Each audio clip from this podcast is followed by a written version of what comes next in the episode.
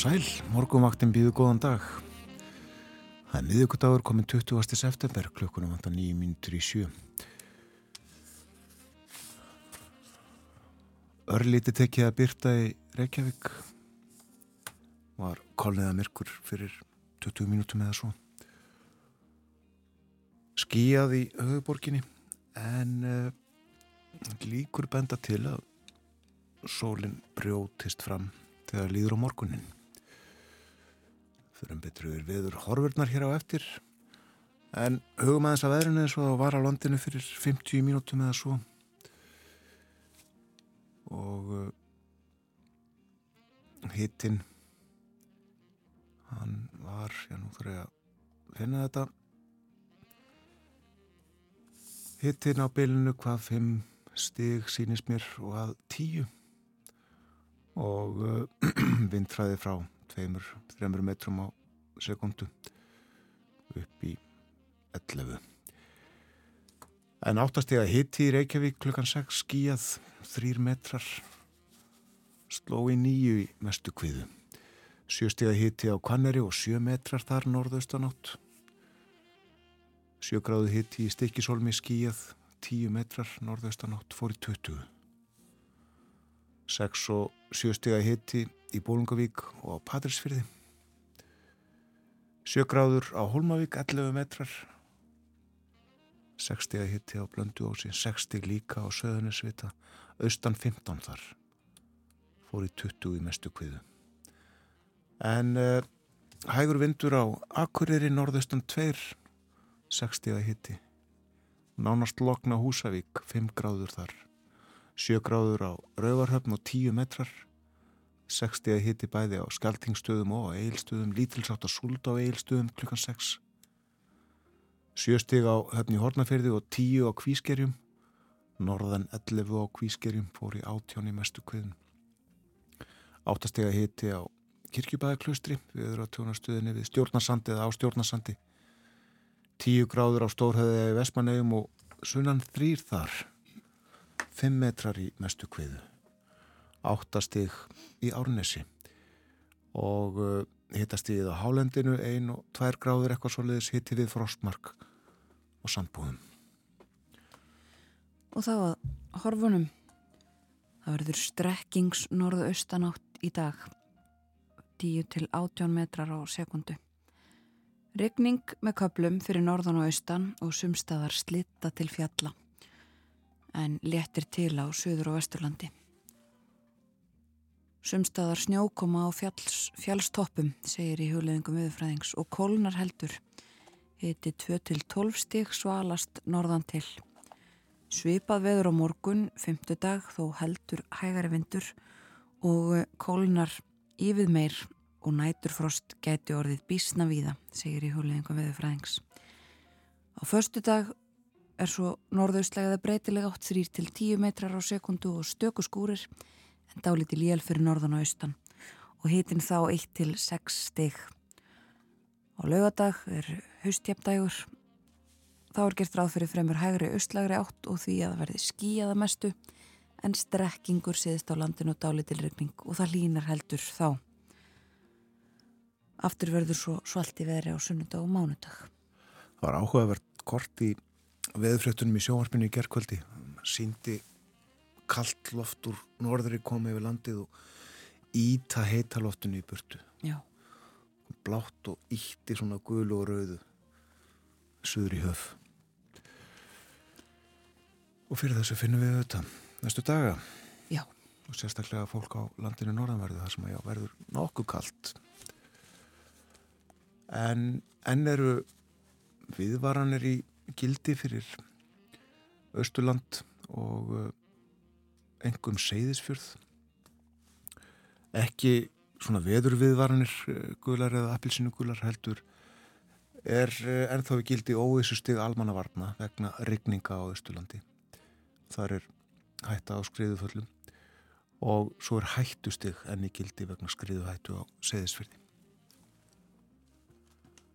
Þetta var um veðrið sem við hefum eflust eftir að minnast á aftur í þættinum. Já. En uh, nú skulum við uh, bara út og uh, í svolítinn göngutúr með Yngibjörgu Smith.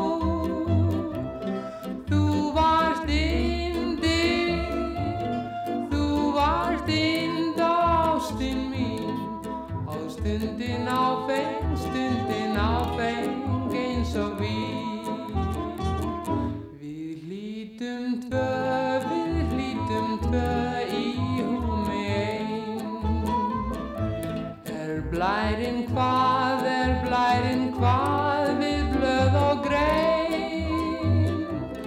Ég var nóttinn, ég var nóttinn þakla þín og þú varst eina, þú varst eina stjarnan mín.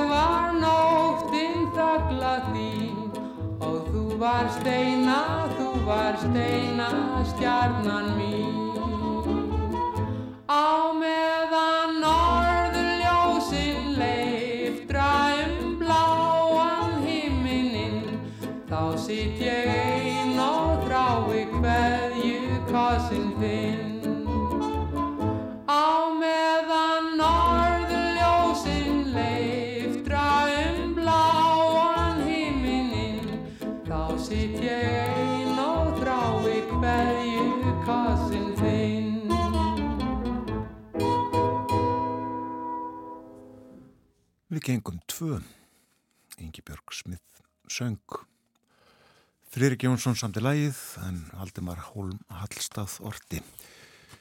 Ég var nóttinn þögla þín, þú varst eina stjarnan mín. Fallegt. Það líður að frettum hjá okkur hér á morgunvaktinni. Við fyrum ítalega við dagskrá þáttarins þennan morgunin að frettunum loknum.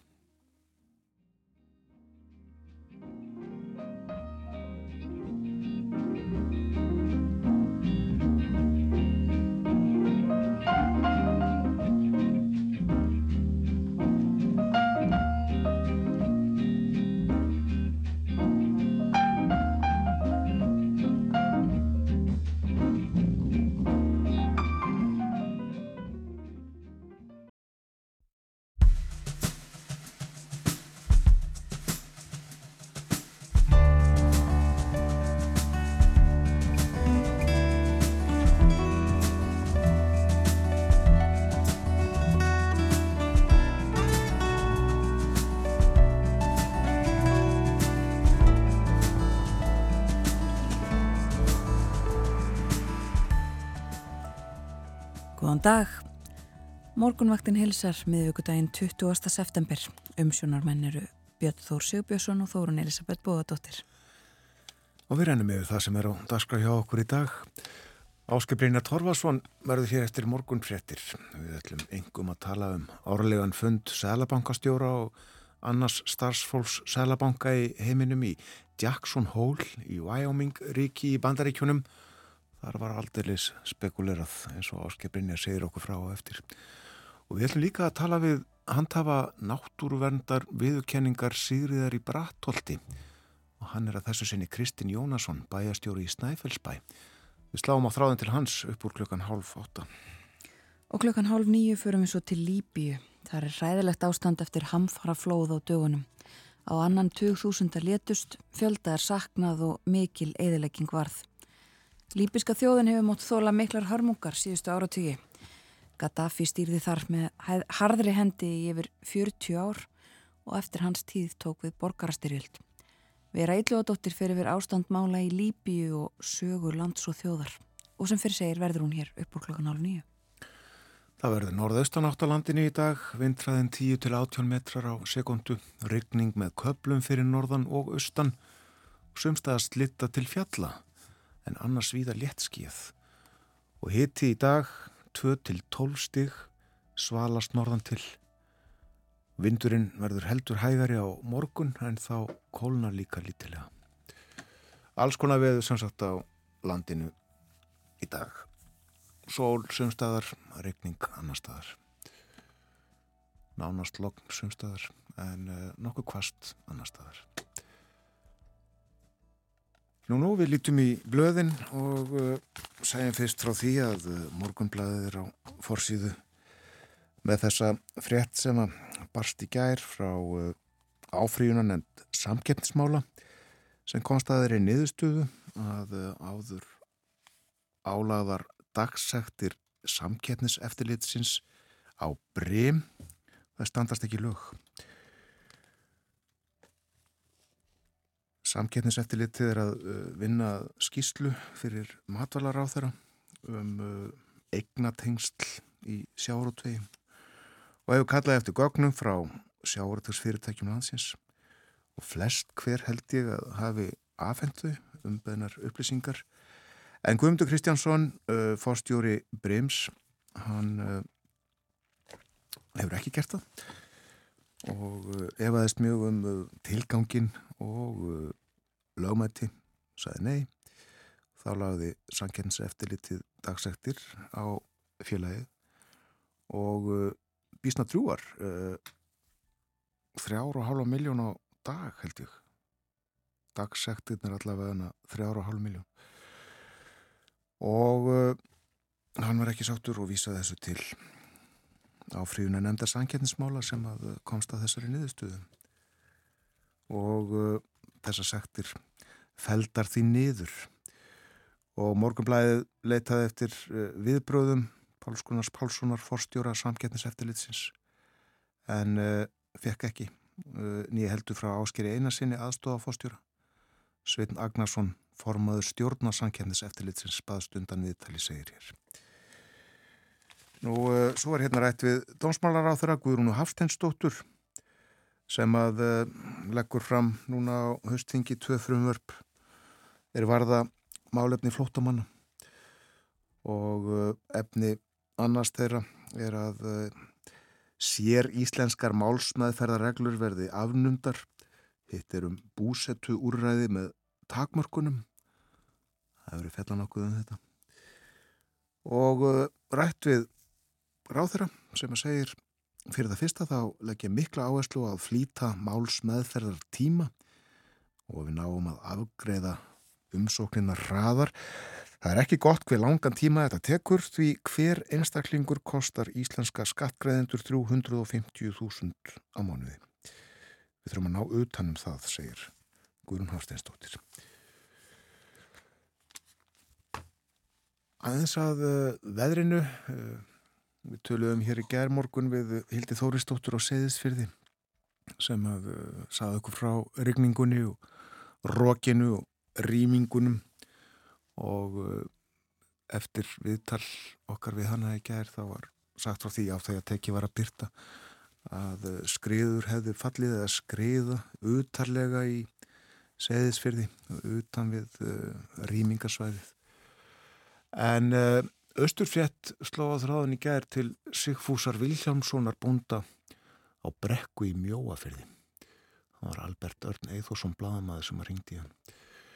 Og uh, Sigfús saði það regni kannski ekki eldi og brennisteini í mjóafyrði en næstum því og uh, hann saði heima fólk hafa það gott og uh, allt hefði verið vandrað að lusta mestu það sem var degi en uh, hann saði þessar haustregningarnar þessar haustregningar sem að, að ganga nú yfir séu reynd ekki nýlunda skoðum en heimildir aftur í tíman þá sé slíkt úrhelli ekki jafn og algengt og margir menn halda. Þetta er heilmikil helvitis úrkoma þennan daginn, saði Sigfús.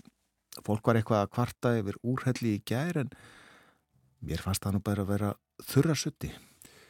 Það er orðið ófært hér um veginn skamt innan við hestirar á en þar hefur vatnið grafið sundur veginn Allir hér eru öllu vanir í veðrinu en mestar áhyggjurnar eru að ferða fólki sem ekki þekkir til þessar aðstæðna. Og já, Sigfús gefur lítið fyrir að svo mikla rigningar sé eitthvað einstæmi í miðjum septembermánuði. Miklar haustrigningar í september eru ekki óþektar. Pappigamli átti amali 20. september og ég man ekki betur en að það hefði verið einhver svona djöfullin í gangi oftar en ekki á þeim tíma. Ekki bara rigningar heldur krapatíð og allur fjandin. Þannig að þetta er ekki merkilegt svona til lengri tíma litið, saði Sigfús bóndi í brekku við Östurfrétt í ger pappans Vilhjálmur Hjálmarsson, þingmaður til 20 ára. Mentamálar á þeirra í uh, líklega eitt kjörtiðanbiliði mann rétt.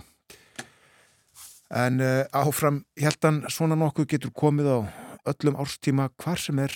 Mér var sagt frá því að árið 1946 hafi grafið undan íbúðarhúsi hér hinum megin við fjörðum vegna regninga. Kerlingin á bænum fór niður í kjallara og leisti kýrnar frá til að bjerga þeim. Þetta var um miðan ágústmánuð. Já, dæmum uh, alls konar veður og uh, Sigfús talar íslensku við Östurfjett.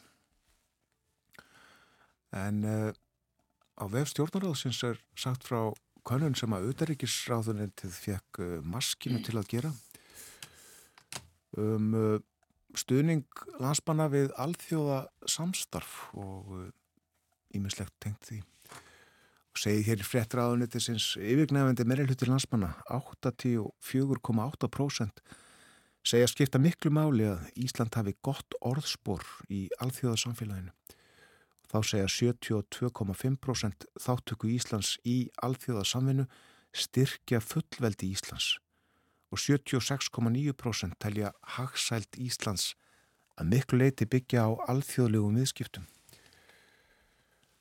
Og uh, það var líka spurt sérstaklega um stuðning við Úkrænu, uh, 81,6% svoðust hlind því að Ísland stiði í Úkrænu í stríðinu við Rúsland 7% eru því andvig. 86,5% eru hlind því að Ísland veiti Úkrænu mannúðar aðstóð og, og afsakið 68,6% segjast hlind efnagslegum stuðningi við Úkrænu.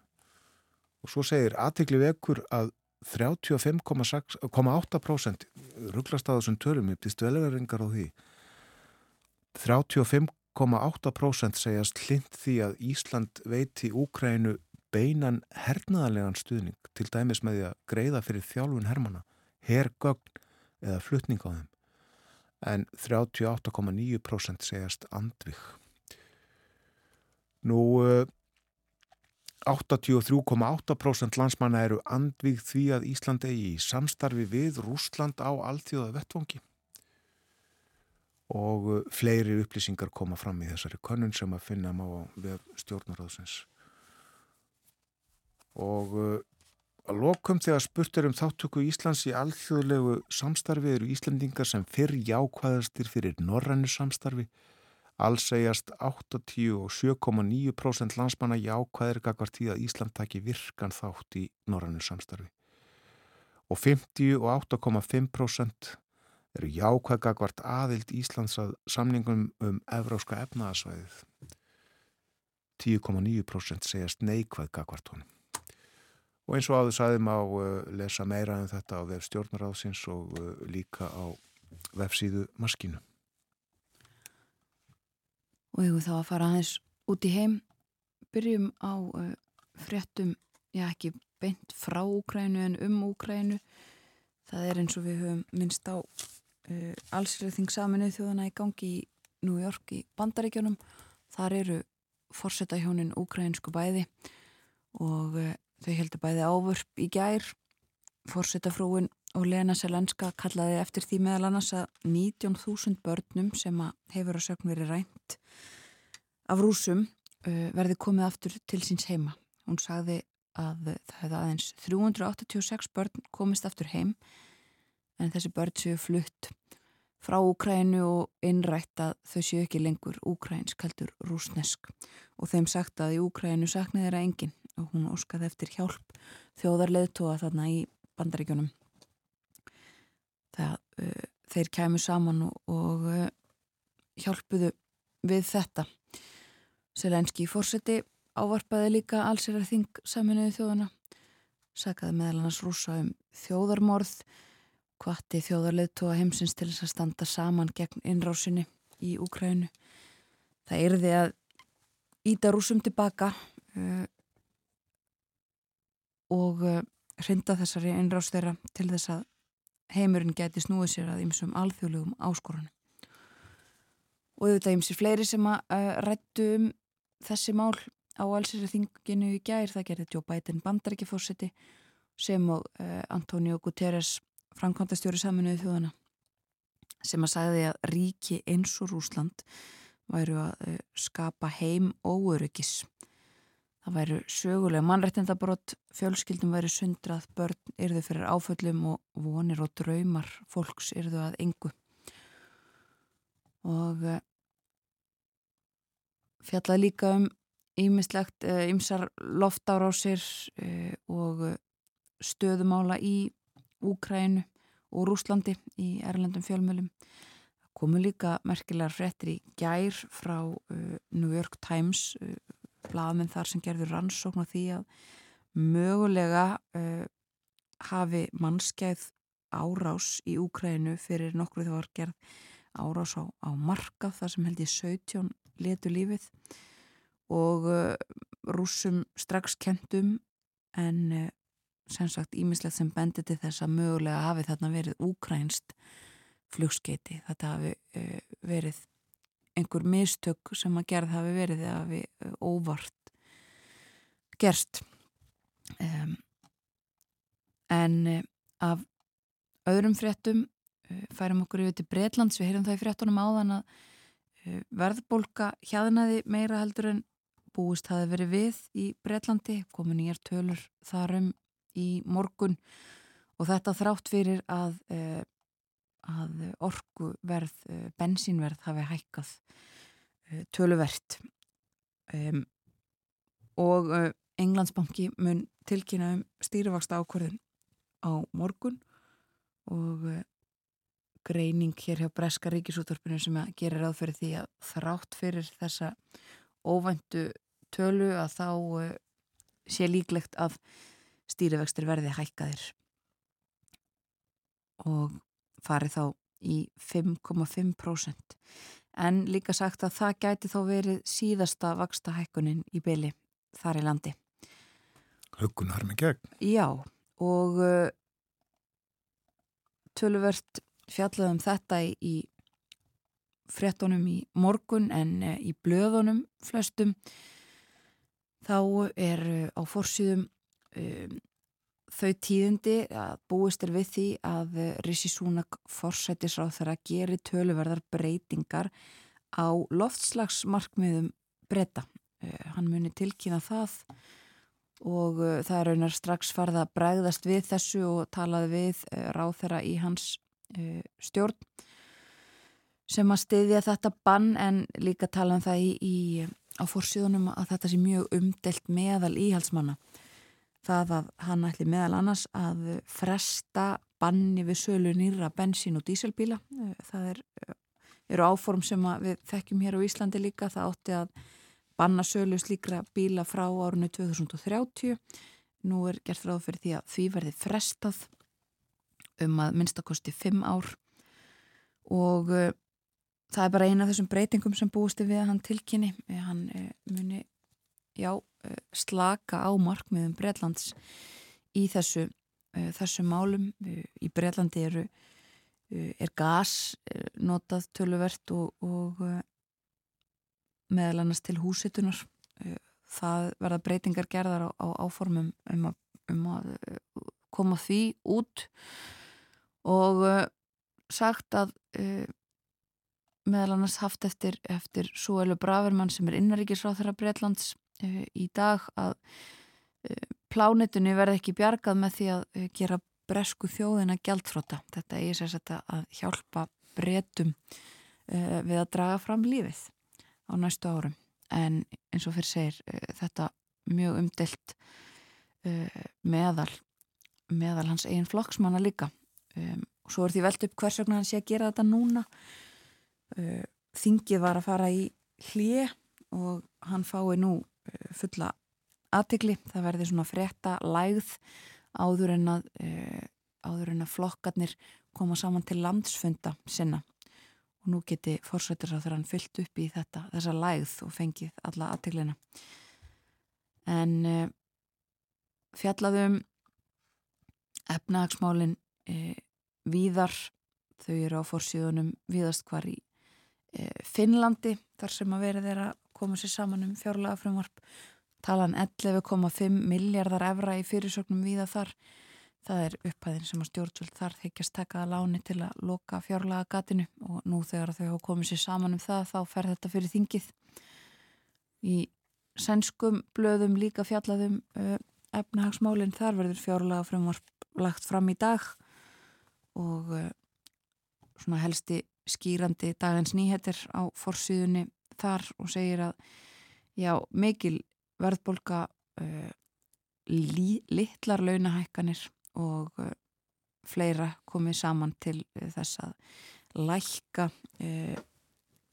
já, ekonomiska standardin, það er bara stöðuna og það hvað fólk getur vænst. Um, næstum allir í Svíþjóð muni finna fyrir þessu en það uh, fari misjaflega mikið fyrir þessum breytingum meðal ólíkra hópa. En aðhaldsfjárlegu bóðu greinilega?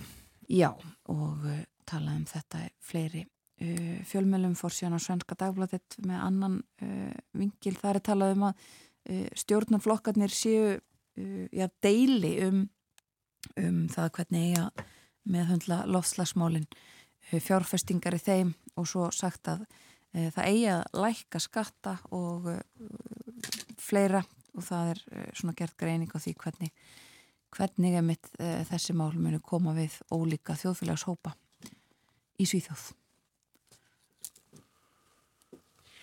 Það segir þetta gott að frettum í bíli eh, hlusta á svolítið tónlist.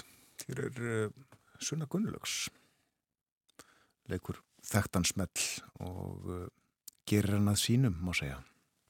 Thank you.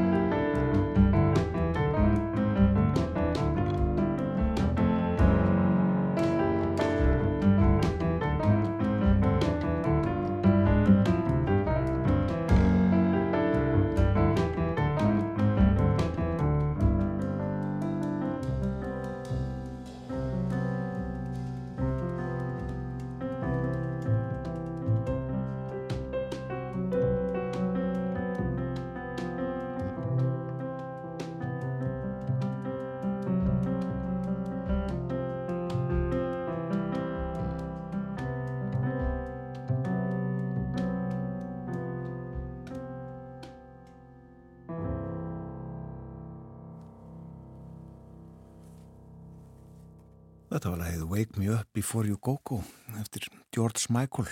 Hann og Andrew Ridgely vinnur hans flötu þetta. Feikilega vinsalt á sínum tíma. VAM héttu þér en uh, hér Sunnagunlögs á piano Þorgrymur Jónsson leka á bassa og Scott McLemore á trómunar Það líður að frétta yfir liti hjá okkur á morgunvaktinni kemur eftir þrjár mínútur. Við heyrum fyrstu auglýsingar og uh, ætlum eftir fréttaðiflitið að uh, tala svolítið um náttúruna á Snæfellsnesi.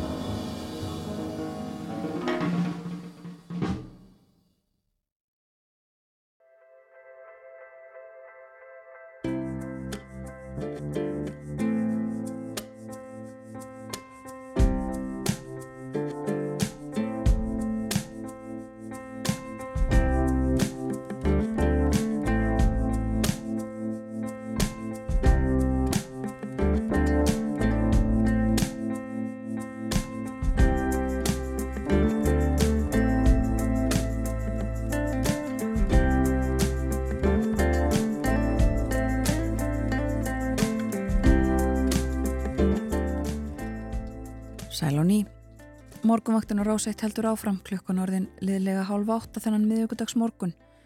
Það er 20. september í dag. Alexander Kristjánsson fór yfir veðurhorfurnar í fretta yfirleitinu hér rétt þann. Áfram óvissu stig vegna mikillar regninga á Östurlandi og hættustig á Seyðisferði. En við minnum á það að Hér á eftir, eftir morgunfréttinnar klukkan átta verður Áskil Brynjar Torfarsson með okkur. Við ætlum aðalega að tala um árlegan fund Sælabankastjóra og annars starfsfólks Sælabanka í heiminum. Hann fer fram í Jackson Hole í Wyoming í Bandaríkanum. Áskil Brynjar fyrir fyrir þetta og fleira með okkur hér á eftir. Og klukkan hálf nýju þá fyrir við til Líbíu. Vera Íllóðadóttir ætlar að segja okkur frá Líbíu þar sem að hörmungar hafa dunið yfir. Það er hræðilegt ástand á annan tug látin og margra saknað eftir flóð. Flóð sem að búður að segja hefði verið hægt að koma í vekk fyrir. Vera verið með okkur klukkan halv nýju eða upp úr því. En nú aðuru, dagur íslenskrar náttúru var síðastliðin lögadag 16. september á afmælistegi Ómas Ragnarssonar. Og við það tækifæri var náttúruvendarviðurkenning svo er kendir við Sýriði í Brattholti veitt og hana hlaut að þessu sinni Kristinn Jónasson, bæjastjóri í Snæfellsbæ. Kristinn barðist á sínum tíma fyrir stofnun Snæfellsjökuls þjóðgarðs og hann var til með lögum 2001.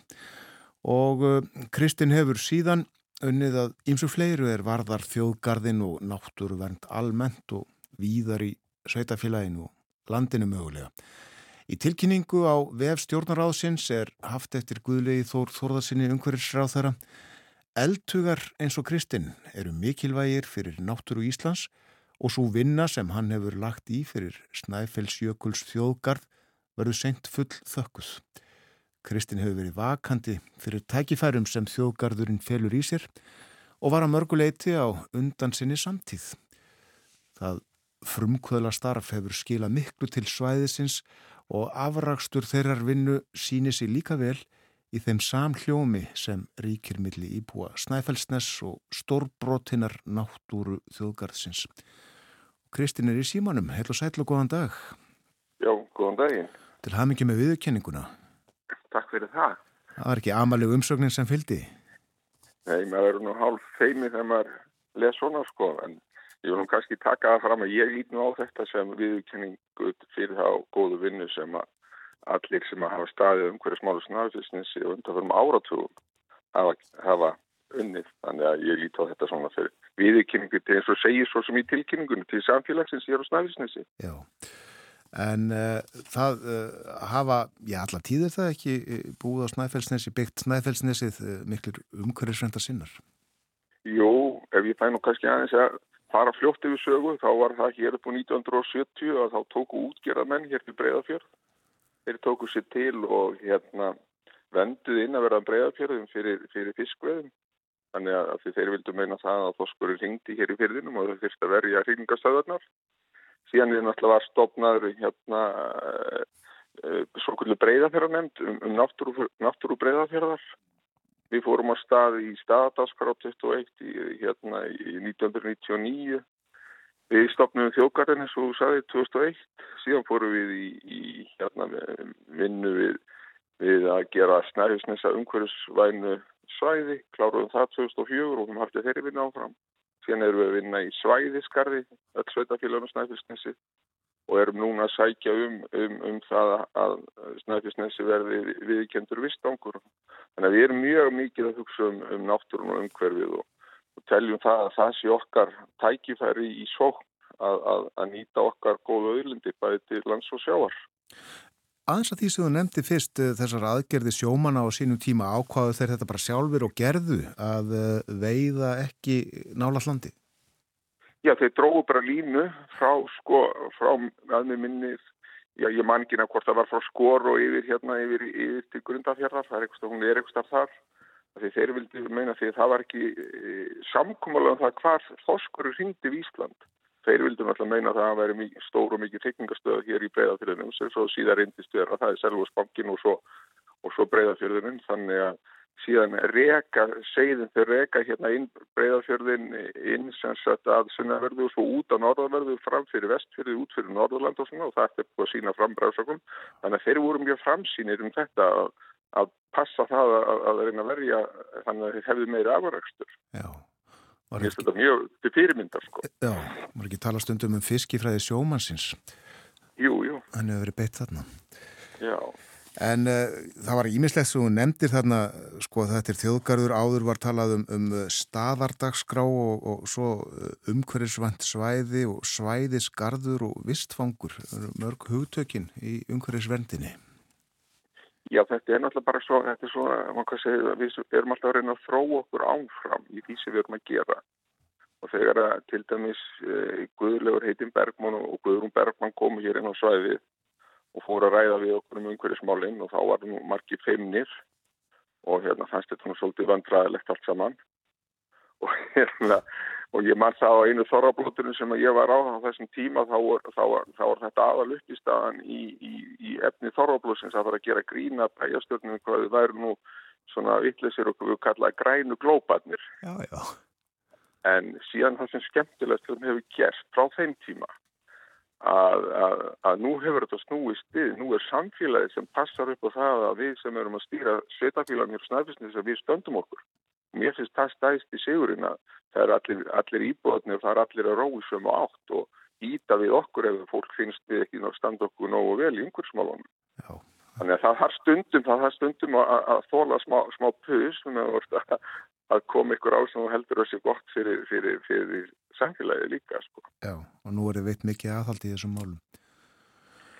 Já og þetta er bara, þú veist, ég held að við vitum það bara öll eins og bara umræðan er í dag að þetta er bara eitt af því sem við verðum að passa mjög vel, að passa upp á umhverfið þannig að komandi kynsluður njóti þess saman og við erum með í dag.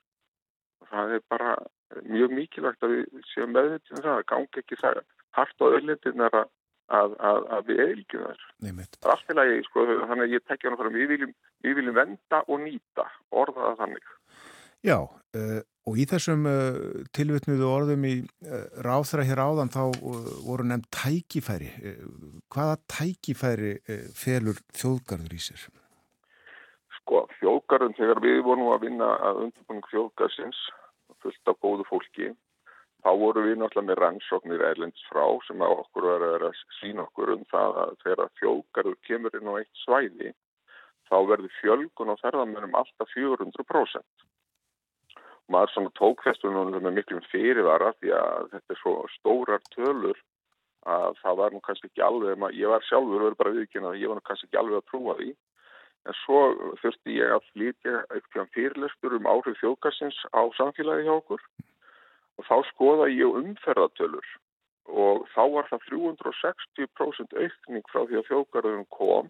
En auðvitað má náttúrulega segja að inn í því er náttúrulega líka það er náttúrulega fjölgun ferðamann á Íslandi við erum að vera sangjöld með það en það er bara staðrind að það er fullt af fólki um allan heim sem kemur inn á svæði sem eru uh, venduð og þá sérstaklega svæði sem ykkur hefur ákveðað að stopna þjóðgarðum það hlýtur að vera eitthvað við svæðir okkur er, er heima fólkið að stopnað þjóðgarðum þetta svæði og það er eitthvað, það er eitthvað sérstakti svæði og það er aðdraftarafl og, það er, veist, fullt af fólki sem það eru vinnu beint og óbeint þannig að þetta hefur alveg gífulegur áhrif inn á okkar svæði og hefur bara gert. Og byggst upp mikil ferðarþjónust og þá á Snæfellsnesi?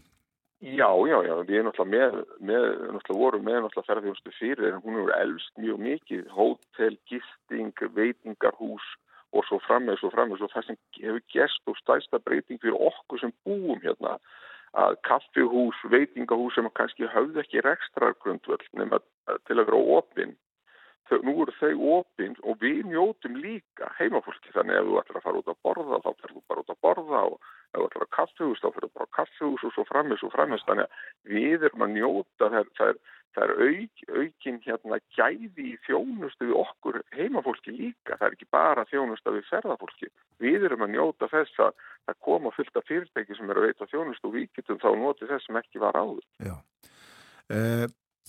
Snæfells uh, jökull er náttúrulega þarna í, í miðju þessa friðlendis eða, eða, þjóðgarðs hann er að hverfa er það ekki? Jú, því miður þá er það nú þannig að það hefur e, nánast ekkert snjóað í, í mörg ár hérna, þó maður sem alltaf rosalega fegin út frá sko, bæjarsjóði eða snjóar ekki mikið en fyrir jökulin er þetta alveg agalega erfitt vegna þess að ef að kemur ekki snjóru jökulin fyrir áramót þá gengur mjög og byrðir hans e, á, á, á sömrin og svo líka annað það hefur verið svo mikil vind vindur núna undanferðin ár og hann er að skafa skilina af jöklinu. Það er ekki bara solpláðunum, það er líka vindurinn sem er að, að, að rýfa af jöklinu við vetratíma. Þannig að ef það ekki fer að snjóa, svona eins og gerði hér millir kannski 80-90, þá, þá verður ekki mikið eftir ánum eftir bara nokkur ár. Þú hefur bara séð þetta gerast, breytast ár frá ári á þessum, hvað, alltaf fjórðungu sem þú hefur uh, búið í uh, á Snæfellsnesi? Já, já, það, því að ég hef nú, það má kannski ekki segja það, en ég hef það, það hobby að fara til rjúkna líka já. og þá hefur maður fylgst svo rosalega vel með því þegar maður er út í náttúrun, þá serðu alltaf hvernig snjólínan hefur færst alltaf ofar og ofar og ofar frá hverju ári. Þú veist það, þegar þú varst að, að því maður alltaf rjúpan, hún leitar í snjóin og þá leitar þú í, í, í, í rjúpunni í kringu snjóin. Já og það er línan alltaf að færa sko hefur fæst bara rosalega hrætt sko bara þetta eru nokkur hundru metrar bara hérna eins og ekki sagt hérna að, að norðanverðu jöklinu við norðanverðinu jökulin það er svakalegt hvað hann hefur farið hátt upp línan þar sko Já. Þannig að það, það, það, það ekki að vera neitt mjög glöggur til að sjá hvað hann hefur opað mikið sko. Nei, einmitt ég minnist þess að hafa skýða niður Snæfellsjökul fyrir svona kannski já, 20 árum eitthvað svo leiðis það er ekki hægt lengur eða hvað Jú, þú getur það náttúrulega yfir sko vetratíman fram, fram að, að, að sunnaverðu, þá getur það fram í kannski svona 20. júli en, en, en þú fer ekki slátt á þú gerðir, Nei. þú ert ekki að fara, þú veist, það er miklu stittri brekka sem þú ert að fara í dag en þú varst að fara fyrir 20 árum. Og það er ennþá bó... en bóðið upp á ferðir á jökulin sjálfan? Já, já, það er, það er, það er það, þegar, þegar er fært, það er verið að bjóða upp á ferðir jökulin svona frá eftir áramót og eins og ég segi fram í júli þegar, ef, að, ef að við meðan hérna, jökullin leiðir þá er farið på jökullin Já. Hvernig mælur þú með að fólk vergi segjum degi í þjókarinn? Þetta er rosalega erfið spurning sko. Vegna þess að við viljum nú meina það svo ég skýri þetta náttúrulega út að þú ætlar að koma hér inn á svæðið þá dugar ekki dagurinn þér. Já. Það er bara þannig það er svo margi sem að sko ef þú ætlar bara að koma og þú nærð bara að raun og vera að keiri gegn eða þú ætlar að verja bara einum degi. Þú, þú ert ekki að, að sko þú ert ekki að njóta eða fara út í náttúruna þannig að hef, þú verður allan þá að velja. Ég myndi þá segja ef þú ætlar að koma og verja bara einum degi þá myndi ég alltaf fara nýra á Malarif og Djúbálónsand. Það verður svona þessi tveir staði sem ég myndi segja að það myndi vera náttúrulega kannski svona dögar ef þú segja að þú vart ekki værið að koma úr Reykjavík. Já. Þá myndi ég segja það að Malarif, Djúbálónsand og kannski Saxhóll, þú hefst ekki að gera mikið meira en sko þá er ég bara að telja bara brota brota því sem að þú getur gert inn á þjókarsins og þegar þú kemur hérna inn á Snæfisnesi, ég meina búðir eins og allir viti alveg svakalega fallegur staður og og bara mystikinn eða hvað sem að döluðinn sem að kemur neyru búði það er bara að vera þar og lappa í fjörnu fyrir neðan kirkjuna. Það er bara indislegt skilur þannig að það er svo margt sem ég geti talið upp fyrir ykkur sko en einn dagur er ekki þessum dögar til að koma og snæfisni svo að njóta náttúrunar Nei, já, já. Það eru margir sem að finna orgu frá Snæfellsjökli. Hefur þú fundið hana og finnur? Já, mér, mér finnst það sko, það, það er eins og þú segir það, að það er einhver kraftur og dölu sem fylgir þessu svæði og það er rosalega skemmtilegt. Og til dæmis, ég er á nú sömarhús og Arnastaba og það kom átt sundum til mín gestir mm. og það er gaman að, að, hvernig þeir upplifa sæði sumir, flest allir sofa rosalega vel en svo er einn og einn sem getur ekki sofið neitt og finnur bara fyrir hérna, hann segir sér allt og mikil kraft úr jöklinum og haldur hann bara vakandi þannig að við finnum fyrir mikil, mikil orku hérna en það er þetta eina af, af, orkustöðum heimsins í Snæfisjöfull. Já, það er svo leiðis. Já, já. Þau töluði einmitt um það uh, Guðlur og Guðrún Bergman og, og, Guðrún Enn sjálfsagt. Já, já, já. Og, það, og fólki, fólki finnur fyrir þessu og og við gerum það hér á Snæfisnesi þess vegna búum við hérna Það er þess vegna, já En þú já búsættur í Ólarsvík og átt sumarhús á Arnastappa Já Það er hvað, hálftíma ákstur 20 myndur Þa, það, það, það er margi sem skilja þetta ekki. En, en, en ef þú býr á Snæfisnesi þá skilur þetta. Æ. vegna þess að veður þar á norðanverðu og sunnaverðu nesun er svo ofta svo gjör ólíkt það getur verið frábært veður á norðanverðu nesinu. Þá getur verið, verið leðilegt an sunnaverðu og eða öfugt, það getur verið mjög gott af sunnaverðu og mjög leðilegt á norðanverðu. Ef það er norðan svona garri yfir sumari þá er algjört lokna sunnaverðu og bara, og bara miklu meiri híti. Það, það munar oft svona þremur gráðum að hýta á norðan og sunnaverðu. Já, það er ekkit hægt að tala um þetta svæði sem, sem held í, í veðurfarslegu tilliti. Nei, nei, þetta er svo ótrúlegt og við segjum þannig oft sko þegar að hérna þegar oft, þegar koma vond viður að þú getur kert kringum jökul og það er alltaf ykkur eitt stað sem þú finnur það sem er gott viður. Já, það er einmitt það. það er... Við erum aðeins að tala um aðra hluti líka. Uh, framundan er, er fjármála ráðstefna sveitafélagana. Uh, hvernig standa fjármálinn hjá ykkur í Snæfisbæ? Þau eru bara í með ágættum hætti. Við erum stöndum ágætlega ef, ef við eigum að miða vönnu sveitafélag. Við skuldum lítið og, og hérna erum í bara góðu málum. Við erum alltaf með svo kröftull samfélag. Við erum alltaf með öflugan sjávarútvög, öfluga ferðarþjónustu og það er náttúrulega skilar okkur mjög miklum tekjum. Þannig að við erum með eitt að tekju hæstu sveitafélum Íslandi per íbúa. Og þess vegna erum við náttúrulega kannski að, að njóta þess að hafa tölvört fjármægt til framkvæmda. Og líka það sem skiptir náttúrulega máli í dag þegar að, að verðbólgan er svona mikil að það er gott að skulda lítið Já. þannig að við skuldum ekki mikið og þurfum ekki verið að borga e, mikla verðbætur og vexti og það er náttúrulega það sem að hjálpar okkur. Og það bárust goða fréttir í gær, e, var að færast kóti til bæjarins?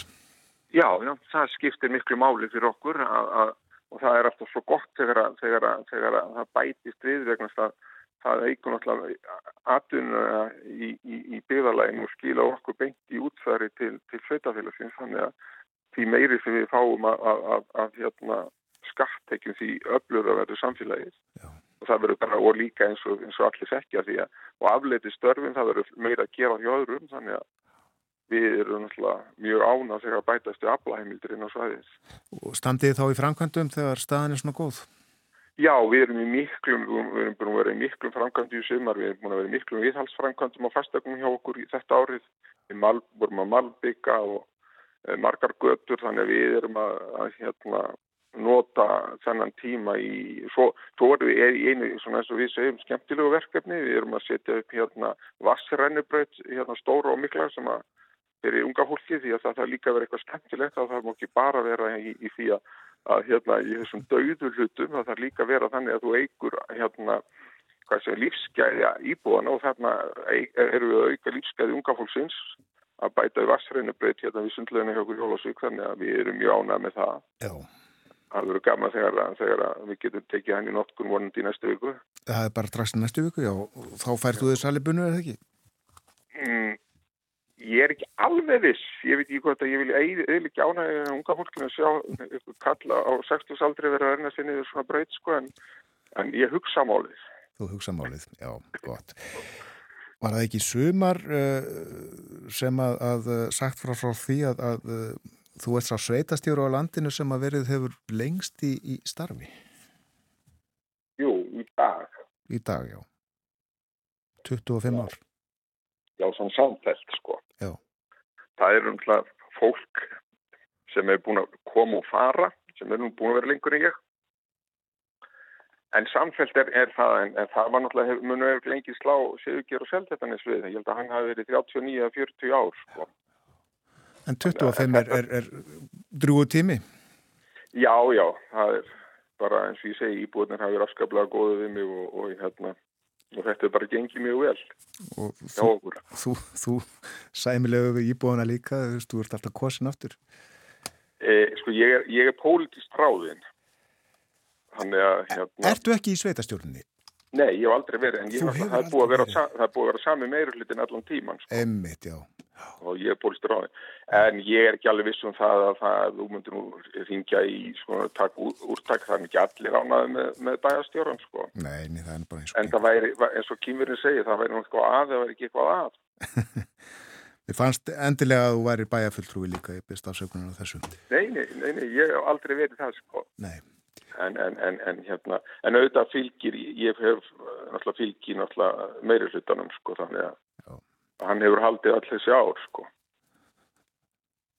Þakkaði kellega fyrir spjallið í dag Kristinn, segð okkur frá uh, já, fyrst og fremst Snæfellsjökuls þjóðgarði og aftur til hamingi með viðkenninguna sem þú hlust um, um daginn. Náttúruvenda viðkenningu Sýriðir í Brattóldi Já, þakka þér fyrir það og takk fyrir samtali Takk, takk, ljóttu dagsins. Já, bless, bless. Kristinn Jónasson, bæjastjóri í 25 ár og áðan að talað um Snæfellsjökull orkuna frá honum og ímislegt fleira mörgum líður vel við jökulinn og finnst þeir vera bara hreinlega á topi alheimsins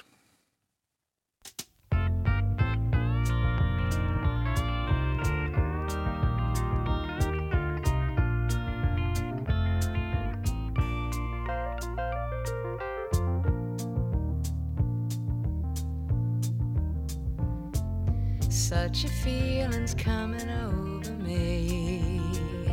There is wonder in most everything I see. Not a cloud in the sky, got the sun in my eyes, and I won't be surprised if it's a dream. Everything I want the world to be is now coming true, especially for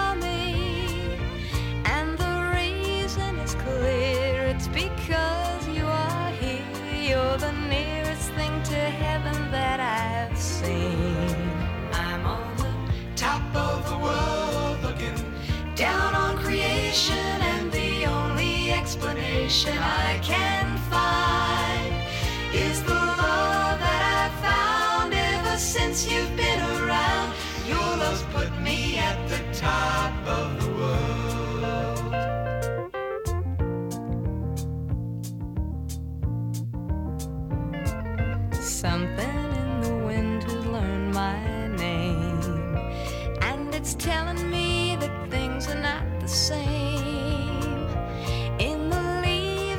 trees and the touch of the breeze, there's a pleasing sense of happiness for me. There is only one wish on my mind. When this day is through, I hope that I will find that tomorrow will be just the same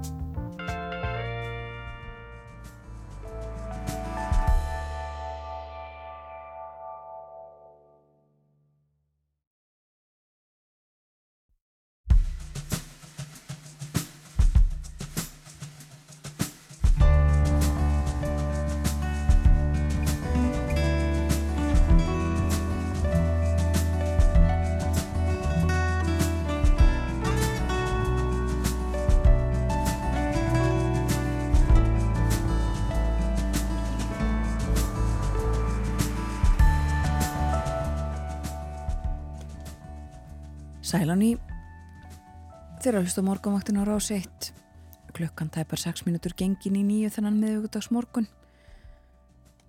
20. september í dag og morgun fréttinnar að baki. Heyrðum þar af veðurhorfunum.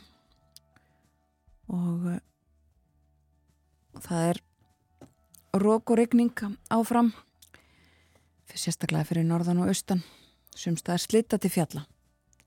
Og getur farið að grána í fjöllum á næstunni. Það er uh, kaldara viður í kortunum. Hér áðan rættum við um Snæfellsbæ, uh, Snæfellsjökul uh, og ímislegt fleira. Í símanum hjá okkur var Kristinn Jónasson bæjastjóri í Snæfellsbæ og við lukum spjallinu við hann á því að leika lag. Það voru Carpenters Top of the World heitir lagið. Og svo minnum við á það að uh, hér upp á klokkan halv nýju verði vera illu að dóttir með okkur. Og hún ætlar að fara yfir stöðuna og söguna í Líbíu. Þar er erfitt ástand hræðilegt raunar eftir hamfara flóð þar hafa á annan tug þúsunda látist. Um, og fjölda en þá saknað vera þekkir söguna vel og fer yfir þetta með okkur hér á eftir. En nú ætlum við að fjalla um alþjóðlega efnaðasmáli við um skilningi Áskeiprinar Torfason er komin til okkar, góðan dag og velkomin. Góðan daginn. Við ætlum að byrja eh, vestur í bandaríkjunum eh, í eh, bæ sem heitir Jackson Hole og er í Wyoming ríki. Já, hann er meiri segja inn í þjóðgarði eða svona á jæðrinum á þjóðgarði þar. Þið voruð í þjóðgarðinum á Snæfellsnesi. Já. Og, og þetta er svona staðurinn sem er, svo ég tengi við lægi líka, top of the world fyrir hagfræðinga að komast til. Þar að segja að þetta eru selabanka, helstu selabankamenn heimsins og þetta er bandaríski selabanki sem heldur þetta. En þeir bjóða inn, það eru svona tólf sem er bóðið þannig inn og ef að þú færð bóðum að fara þanga þá hendur öllu öðru frá þér og um, undirbýr það og þakkar fyrir það því að það er e, já, mjög gott tækifæri þarna til raugraðina og hafa áhrif á í raun og veru stefnumótun í heiminum á þessu sviði. Var okkar maður þar, Ásker Jónsson, vistu það? E, nei, ég rekna ekki með því en, en ég held að Már hafi einhver tíman farið það var selfbóngstöð, en ég veit, ég ætlaði nú bara að googla þetta þegar ég fór að hugsa þetta núna, ég veit allavega Gauti Beggesson sem er um, bróðir borgarstjórnars okkar, hann er hagfræðingur í Brown háskóla í bandaríkjónum og hann hefur allavega einu snið farðana. Ég held að hann sé eini sem ég veit um. Ég voni eh, sé ekki að, svo ekki að gæti verða Jón Steinsson sem er í Berkeley hafi líka einhver tíman farið þannig að tala en þetta er svona, það er mjög mikil upphefða að vera bóðið þangað að tala. En... Já, og af þessum fundi stendur uh, bandaríski Sælabankin í Kansas. Já, og nú þurfum við að fara í smálandafræði uh, bandaríkjana sem ég nú ekki mjög góður í, satt segja ég bara komið til Washington og New York á, á östuströndinu og síðan til Berkeley háskóla og San Francisco og, og Kirrafstöndinni vestan megin, en ég tekki nú ekki alveg nógu vel til, en, en eins og við vitum þá eru bandaríkinn 52 ríki eh, og, og eh, Sælabankin er hins vegar, hann er 110 ára núni ár og hann er með höfuðstöðuna sínar í Washington sem er talað um sem The Federal Reserve Board, stjórnin á eh, þessu kerfi Sælabankan, en það eru 12 eh, distrikt, sem sagt 12 svæðis sælabankar í bandaríkjum sem ná þá yfir 2, 3, 4, 5, 6, 7 ríki. Eh, og ég vil ekki alveg að fylgja alltaf landamæruríkjana en, en sagt tíunda svæði, tíunda svæði sælabankars er eh, það sem heitir Kansas eh, en, en næri yfir líka eh, fleiri eh, er annars Wyoming og, og þeir byrjuðu enda fyrir 48 árum að hafa svona rannsóknaráðstefnur í, í sumarlokk uh, en ég held að það verið fyrir um 40 árum sem það svona festist í sessi að þetta var haldið þarna í, í Jackson Hole og bænum, smá bænum í, í þessum þjókarið þarna er uh, já, svona svalara loftslag heldur en í modlun í Washington. Þannig að ef maður fyrir að skoða sögun á bakvið þetta þá var á þessum tíma Pól Volker, selabankastjóri, sem þurfti nú að vera að berjast við mjög mikla verðbólku á þeim tíma, hún kom 1980, það var reyndur um allan heim og þá voru líka oljuverðs uh, hækkanir sem að, já, svona sumt líkt og núna en annað mun öðruvísi, en, en hann var mikill flugveðmaður og, og, og fekk svona svalan vind þarna við ána og gatt svona aðeins jafna sig á hennum erfiðu þungu verkefnum í módlunni í Washington. Já, gott að vera í góðu lofti þegar þarf að hugsa. Þetta er mjög fallegu staður og fallegu fjöllan í kring. Og...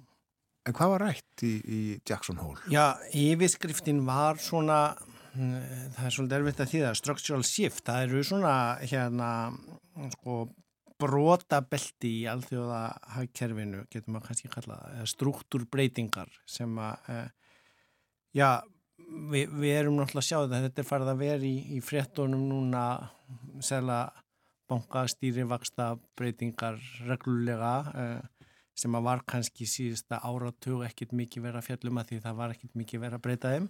Eh, en, en, en það var nú svona, hvað maður að segja, hefðbundin ræða frá Páel sem er selbústunni bandaríkjum núna en, en Lagarde sem ég hef nú nokkru sinnum talað um hérna hjá okkur, Kristína Lagarde sem er selabankastjórun í Evrópu, í, Evrópska selabankunum sem er aftur líka svona byggður upp af stjórn það sem eru selabankastjórar Evróríkjana átjón og hún reynir að stýra þeim eh, að, að, að hún var með mjög áhugaverða ræðu þarna og talaði mjög opinskátt sumir tólkuðan og að hún hefði meiri sé að vera með undirtónum það að bandaríkjadalurinn væri nú mögulega að fara tapa svona veldi sínu í, í, í heiminum sem forðamind heimisins en ég held að það sé nú oftúlkun við, við hefum nú rætt þetta hérna áður vanandi um, hvort að reymimbín frá Kína sé að taka um, meira afl í heimsækkerfinu og auðvita með því að fara úr 2% í 6 þá er það þreföldun en, en, en bandaríkjadalun er samt um,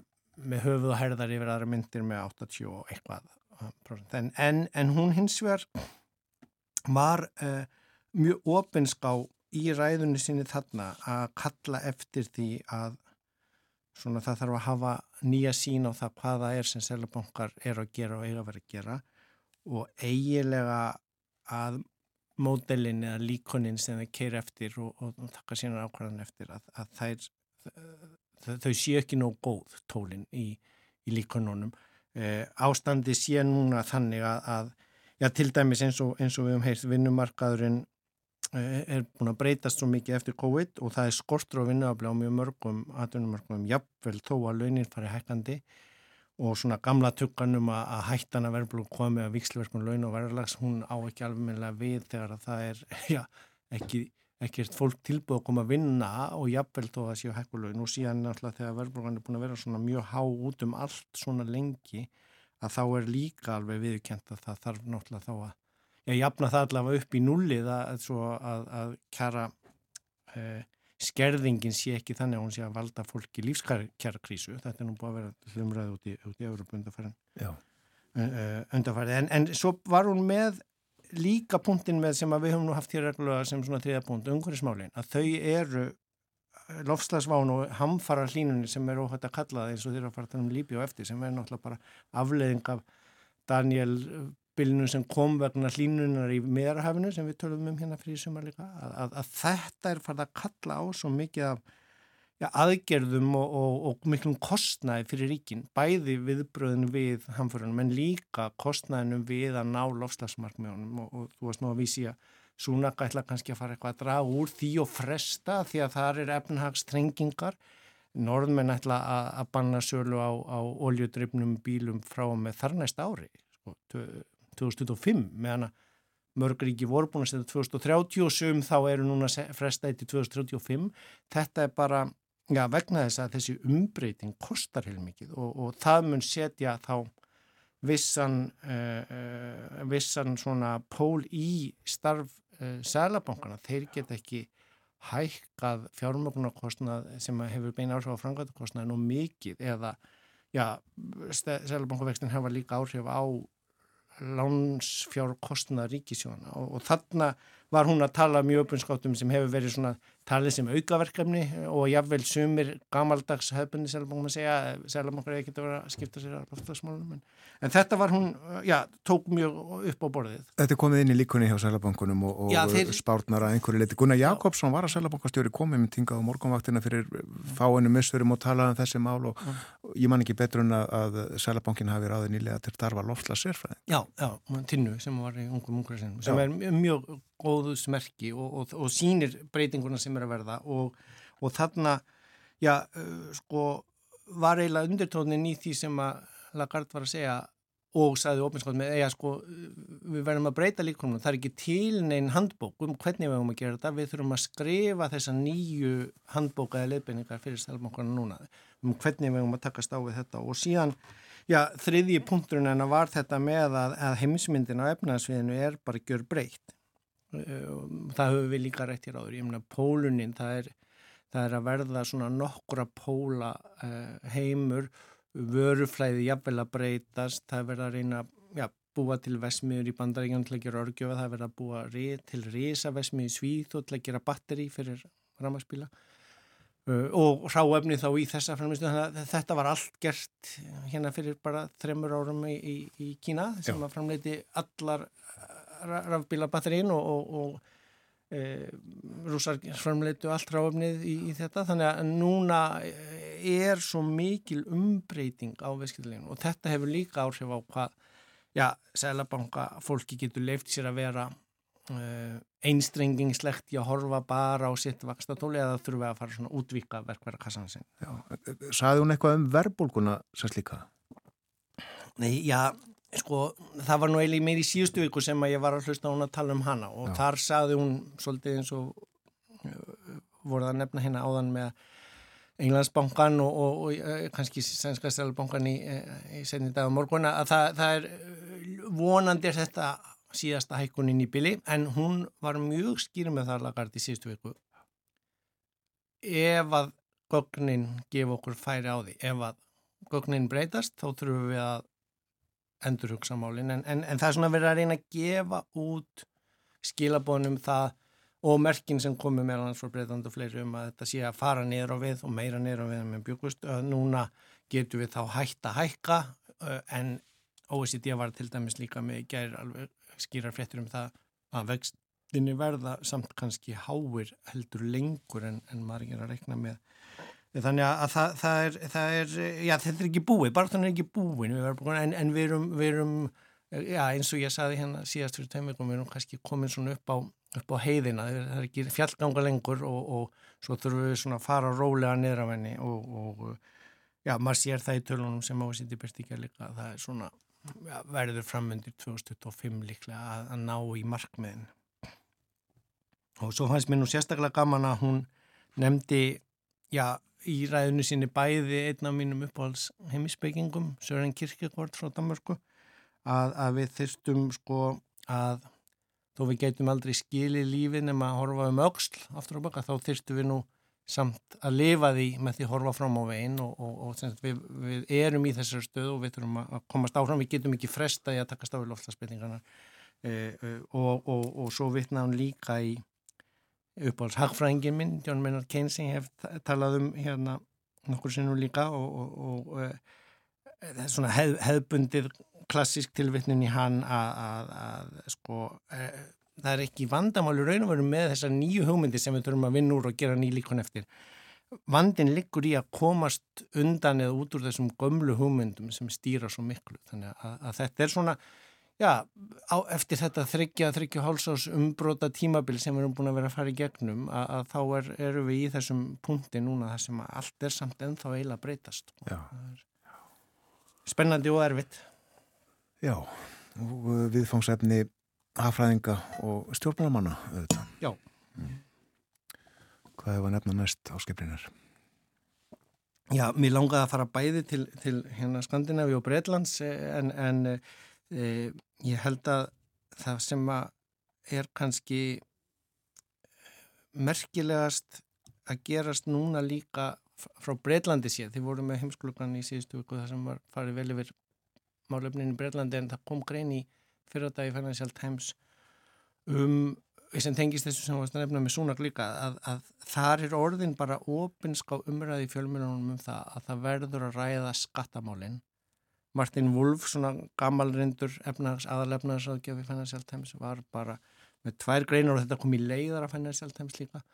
Út frá Breitlandi, það þýðir ekki eh, og það er farið að horfa svona á henni, þetta, þessa æfingu Liz Truss sem hálgjört grín sko, að það sem hún ætla að reyna að ná í gang vexti með því að lekka um, Lekka skatta fyrirtæki en, en núna er bara umræðan mjög ofinska og skýr með það í, í Breitlandi það sem er mun lægðara skattstig heldur en í Hollandi eða Skandinavíu að stjórnmálamenn get ekkert komist upp með það að segjast ætla að mm, gera eitthvað eh, eh, án þess að hekka skatta. Eh, nema þá að skera eitthvað annan niður á móti og eh, að í raun og veru ef það á að já, vinna á lofslagsmálunum um, bæta helbrískerfið að þá kallar það á það að við þurfum að hækka skattana til að, að fjármagna. Þannig að, að þetta er nú svona aftur í ljósið þess að ég var að lýsa. Viss svona vendi punktur með það að það hefur verið mjög mikil fælni við að tala um skatta og skattahækkanir af því að já, stjórnmálamönnum finnst það óþægilegt, enginn vinnur beint kostningar á því að bóða skattahækkanir en, en já, tjölunar og gögnin og, og svona heilbrið heiðarleg fjölmjölun eh, sínir fram á það að, að það er engin triks í þessu. Við gátum vissulega gert það með hallarekstri í heimisfaraldri en það tímabili er búið og nú þurfum við að svona snúa við eh, hugmyndunum okkar um að, að það er ekki hægt að halda því parti endalust áfram og það get ekki allir verið með hendurnar upp að aukslum í sultukrukunu og ná sér í peninga sem tala um sem að það þurfum að fá kvata til að breyta til dæmis eh, grænvæða hagkerfið ef, ef að það er að vera efnaðslega kvatar sem stuðningur og ríkisjóði eða skattaafsláttur og ríkisjóði þá verður að ná í skatta eitthvað starf annars það er ekki hægt bæði að loka fjárlagatinu og ætla að gefa eftir um, um, með afslætti um, til þess að fá fólk til að breyta sér. Nú, nú, nú þarf að ja, taka á því hvernig á að fjármagna það. Þú skoðaði ráskipurinn að sögubækundar í síðustu viku og uh, rakstu augun í það að uh, þá voru liðin 15 ár frá því að uh, Lehman Brothers bankin fór á hausinn. Já, það var heilmikið umfjöldun mér sé í fjölmjölum þessum sem ég er alltaf að vitni og lesa Bloomberg og Financial Times uh, svona minnast á þetta 15 ára ámali það er 15. september sem er, er dagurinn sem Lehmann fór á hausin og, og ég hérna var þá búin að vera tvær vikur í dóttorsnáminu Svíþó og fylgist með því mjög spenntur og var þá helgi uh, en, en svo liðu þrjáru vikur þar til að þess, þessi sveibla kom til Íslands þannig við kannski bara förum yfir þá sögðans eftir tvær vikur þegar ég kem næst. Já, fór alltaf hlýðina eftir, eftir þrótt leman. Þakkaði fyrir að vera með okkur í dag. Takk fyrir mig.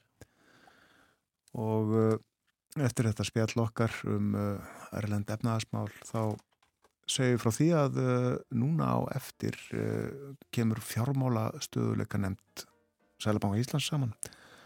Heldur fund og uh, kynir rítið fjármála stöðuleika þar sem að uh, má finna uh, já svona mat á stöðunni og því sem að, að vænta má á næstu mánuðum eða misserum.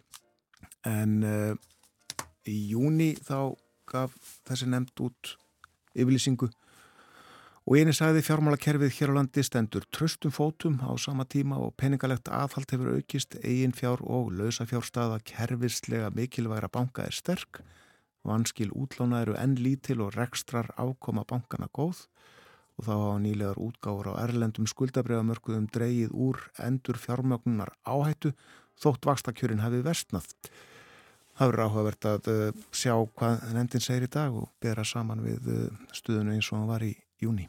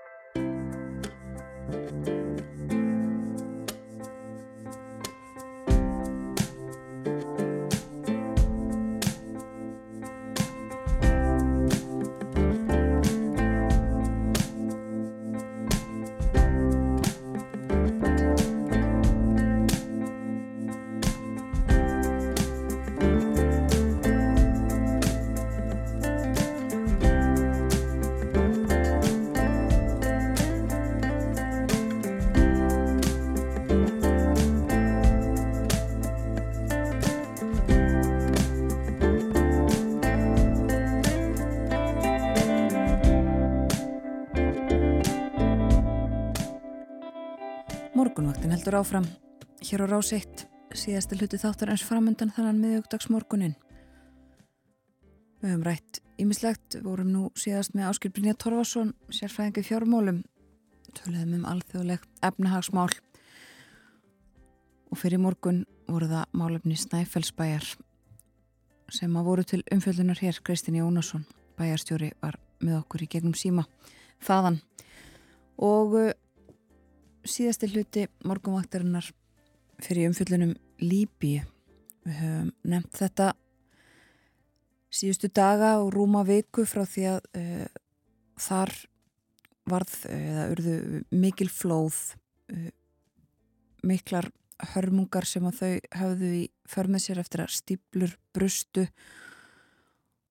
og fjöldi fólks látin á annan tug þúsunda og enn margra saknað líka. Og í Líbíu er ástandið erfitt. Við rættum aðeins um Líbíu hér á mánudagin þegar Dominik Breitel Jónsson var hjá okkur til þess að tala um uh, aðrar hamfarir jarðskjaldana í Marokko og eins og Dominik kom inn á þá er þó í Marokko einhvers konar uh, stjórnkerfi, einhvers konar skipulag á samfélaginu en uh, það skortir verulega á það í Líbíu.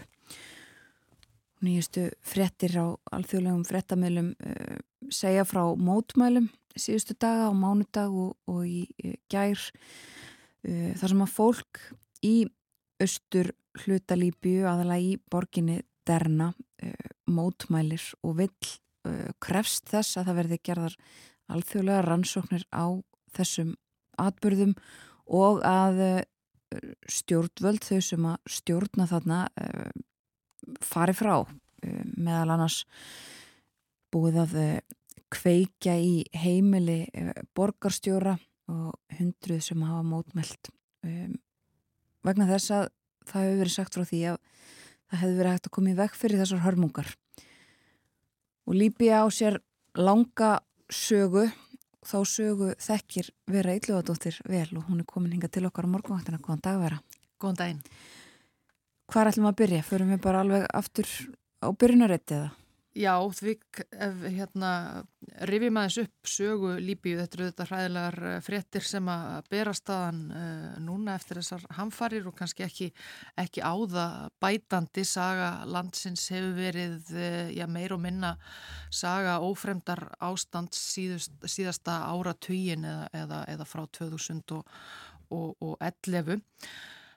og uh, eins og þú nefndir engin svona almennileg fungerandi uh, stjórn sem að teki getur stjórnina eftir þessar, þessar hamfarir.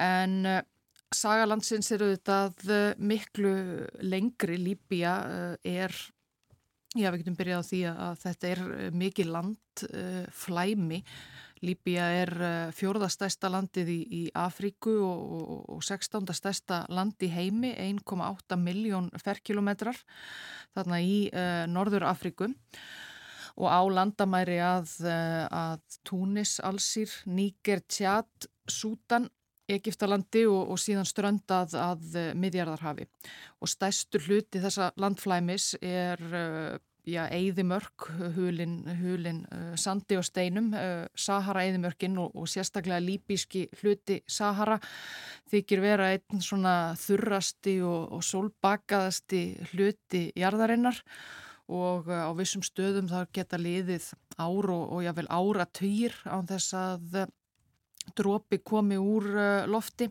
og þarna hefur mælst hæst já, hátt í 60 gráða, gráðu hiti þannig að það er svona kannski ekki, ekki stór hluti líbíu sem, a, sem að er eh, mjög lífvænlegur en öllu skaplegra loftslag og, og, og, og jarðvegur við, rétt við strendur miðjararhafsins þar sem að, þar sem að, þar sem að flestir, flestir búa og er miðjararhafs loftslag.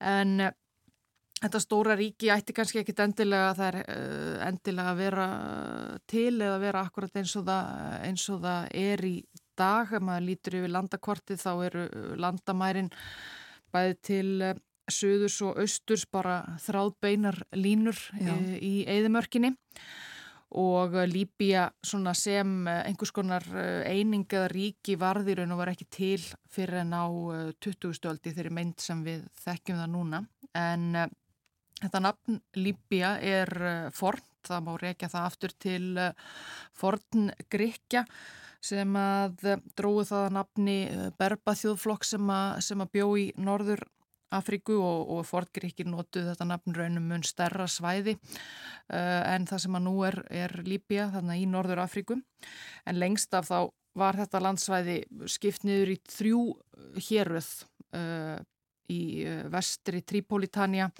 og Kýrenæka í austri og svo Eidimörkin inn í landinu sem að, sem að kölluð var uh, Fessan. Og þarna voru sem sé bæði gríkir og romverjar þegar að þeir voru upp á sitt besta komið þarna og, og fóru og, og stopnuðu borgir og, og það má finna merkar, sérstaklega romverskar minning, hérna, minjar í Líbíu dag, romverskar borgir og fleira.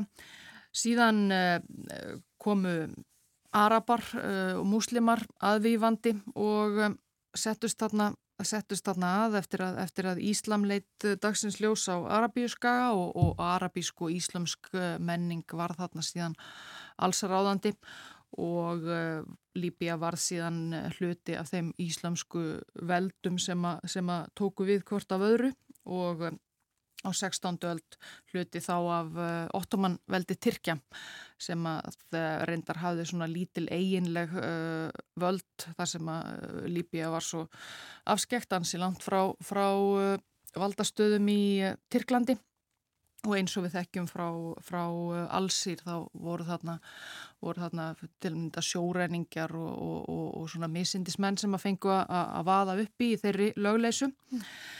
en síðan ef við förum uh, fram í tíman uh, til loka 19. aldar og uh, nýlendu tímans í, í Evrópu þá uh, fóru Ítalir að, að nösa af Líbíu sem að þá var enn á, á valdi Tyrkjasóldans. Ítalir voru svona seinir til að, að hella sér út í nýlendubransan þar sem að þeir stóðu í, í, í brasi heima fyrir saminningu ítölsku ríkjana og þegar Ítalir vildu gera sér gildandi í nýlendubransanum þá voru svona stór landsvæði í Afríku þegar, þegar tekin af, af öðrum evróskum stórveldum.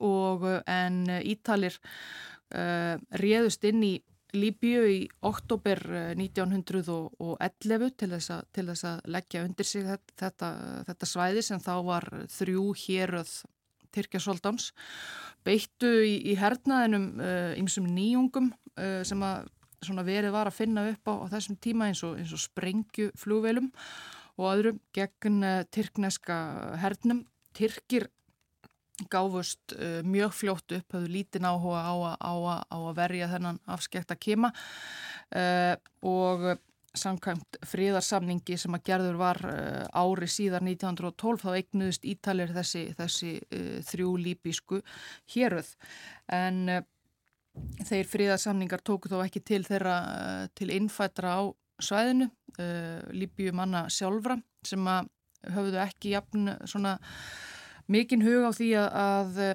að gerast eh, undir menn Ítala og þeir held áfram að berjast gegn eh, ítölskum nýlindu herrum uh, árum saman.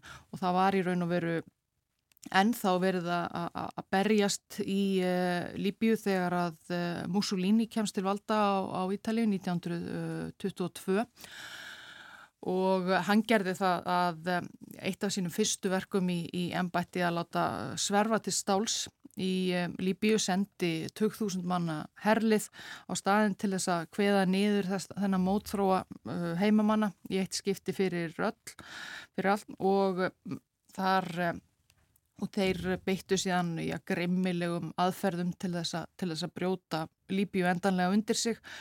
Þarna voru þeir ítalir komið upp fangabúðum þar sem að, þar sem að stríðsfangar og, og heilu þorpin og ættbolkarnir voru, voru, voru fangjelsaðir og við ídlanleik og ímsar uh, fleiri uh, hróttalegar aðgerðir sem að ítalir beittu. Og talið er að, að á árunum 1911 til 1943 þá hafi eitthvað um 250 til 300.000 líbjumenn uh, látið lífið í, í þessum átökum uh, mjög uh, mikil fjöldi þar sem að Líbi hefur aldrei verið sérlega fjölmenn. Þarna voru íbúar landsins eitthvað í kringum ein miljón manns. Ja. Þannig að það var stór hluti þjóðarinnar sem að, að let lífið í þessum átökum við, við Ítala og uh, lang mest mannfall eftir að, eftir að Mussolini komst til, uh, til valda. En Þetta bar árangur og, og ansbyrna líbíumanna lognaðist á, á endanum uh, út af og uh, svona, þessi harði hernaður var, var lokið 1937 þá heimsótti uh, Mussolini Líbíu og, og fagnaði sigri með, með miklum pomp og prakt en svo nýlenda varði þó ekki lengi þar sem að þetta bröst út setni heimstyrjöld og, og Ítalir byggði þar ósigur Já.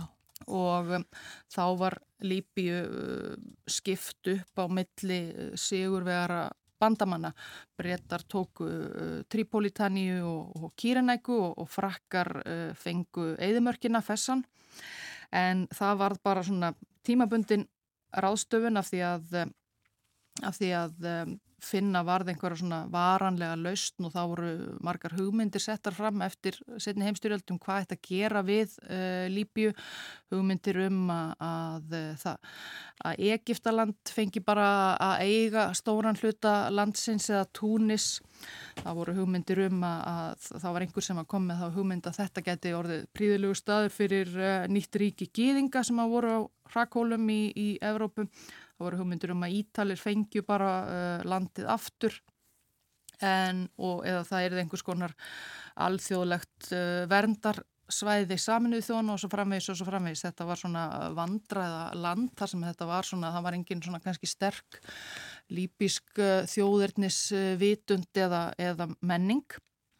en líbjumenn uh, vildu á endanum helst standa á eigin fótum og það var allsir að þing saminuð þjóðana sem að kausum málið 1949 og samþykti álygtun þess efnis að Líbia erði uh, sjálfstætt uh, sameinað ríki. Þessi álygtun var reyndar bara samþykt með, með eins atkvæðis meiri hluta, þannig að sagan hefði geta farið einhvern veginn allt uh, öðruvísi. Og 1952 þá var þarna stopnað Líbist konungsríki. Það var Ídris Al-Sanúsi sem var eh, leðtogi íslamskar trúarreglu sem að tók að sér að, að eh, gerast eh, konungur og þetta var þá já, fyrsta ríkið í Afríku sem að, sem að í raun fekk sjálfstæði frá evrósku nýlenduveldi og eitt af fáum ríkjum held ég sem hefur orðið til beinilins í gegnum álygtun allsherjar þings saminuð þjóðana. Einmitt. En konungdæmi varði stutt? Það eh, varði stutt. Konungurinn tók kannski ekki beint við uh, góðu búi. Þarna hafi verið uh, já, bæði langvind stríð. Þetta var fáment ríki og svona lítið við að vera nema rétt við miðjararhafsströndina og ítalir lítið hirtum að byggja upp innviði nema þeir letu leggja vegi hingað og hangað um, um sandin en, en gerðu lítið annað. Og það far, fór fljótt allt í bál og brand. Í fyrstu þingkostningunum örfa á mánuðum eftir sjálfstæði. Þá uh, leistist allt upp í uh, deilur, þetta átt að verða, verða konungsböndið líðræði en uh, konungur, konungi leist ekki á blíkuna og bannaði alla uh, stjórnmálaflokka undir eins. Og það voru ekki haft, haldnar aftur kostningar þar sem að velja mátti milli stjórnmálaflokka aftur fyrir 2012 eftir þessar fyrstu kostningar og hann tók sér raun bara allræðis vald. Og síðan uh, já, gerðist sá atbörður 1959 að uh, í sandinum fannst uh, fundu bandarísk fyrirtæki gífilegt magn af ólíu og þá fór svona hagur landsins eitthvað að, að vangast en sömulegis miklar sviftingar í þessum heimsluta og eh, 1969 þá eh, tóku ungir herfóringjar í líbíska hernum völdin af uh, konunginum. Uh, Ídris uh, konungu var þá orðin áttræður og var í Tyrklandi í, í einhvers konar læknismeðferð og, og ungu herfóringarnir er raun og bara völsuðu inn í stjórnarbyggingar og tóku þær og, og konungurinn yfti, yfti öxlum, orðin langþreytur á, á, á uh, þessu standi þannig og um, þetta voru ungir herfóringar innblásnir af hugmyndafræði uh, Nassers í Egiptalandi og þar fremstur í flokki 26 ára gamall Muammar Gaddafi.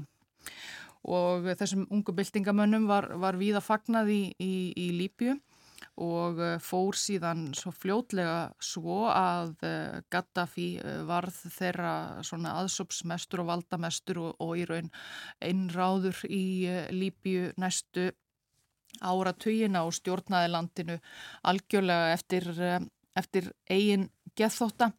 Hann var þetta allræmdur fyrir ja, margskonar hluti bæði fyrir að styðja ímis hriðiverka og víga samtök um heimallan og einnig þekktur sem mikill servitringur, fyrðulegur í klæðaburði með fáránlegar yfirlýsingar, alltaf í fyllt fengulegra kvenna og og svo framvegs og sem leiðis heima fyrir þá, þá var hann miskunalus harðstjóri, uh, drottnaði þarna yfir uh, lauruglu ríki áratugum saman, let ekki líðast neitt uh, andof stjórnaranstæðingum í 2000-tali uh, voru fangelsaðir án dóms og, dóms og laga. Eða voru ekki einfallega myrtir og svo framvegis og svo, og svo framvegis en uh, mátti eiga það að hann uh, svona vissulega notaði hluta uh, ólju auðæfa landsins til þessa, til þessa svona bæta hagins almenna Líbíu búið þarna var svona allavega á tímabili á valdatíð Gaddafís svona já, ókipis mentun og, og helbreyðiskerfi og ímislegt annað sem að, sem að þeir, þeir nötu. Við ætlum ekki að eh, staldra lengu við eh, valdatíð eh, Gaddafís kom þarna arabíska vorið? Það kom þangað í áspyrjun 2011 eins og til annara landa. Þarna voru fyrstu mótmæla fundinir í februar þetta margir líbjum en ornir langþreyttir á Gaddafi og óstjórn hans.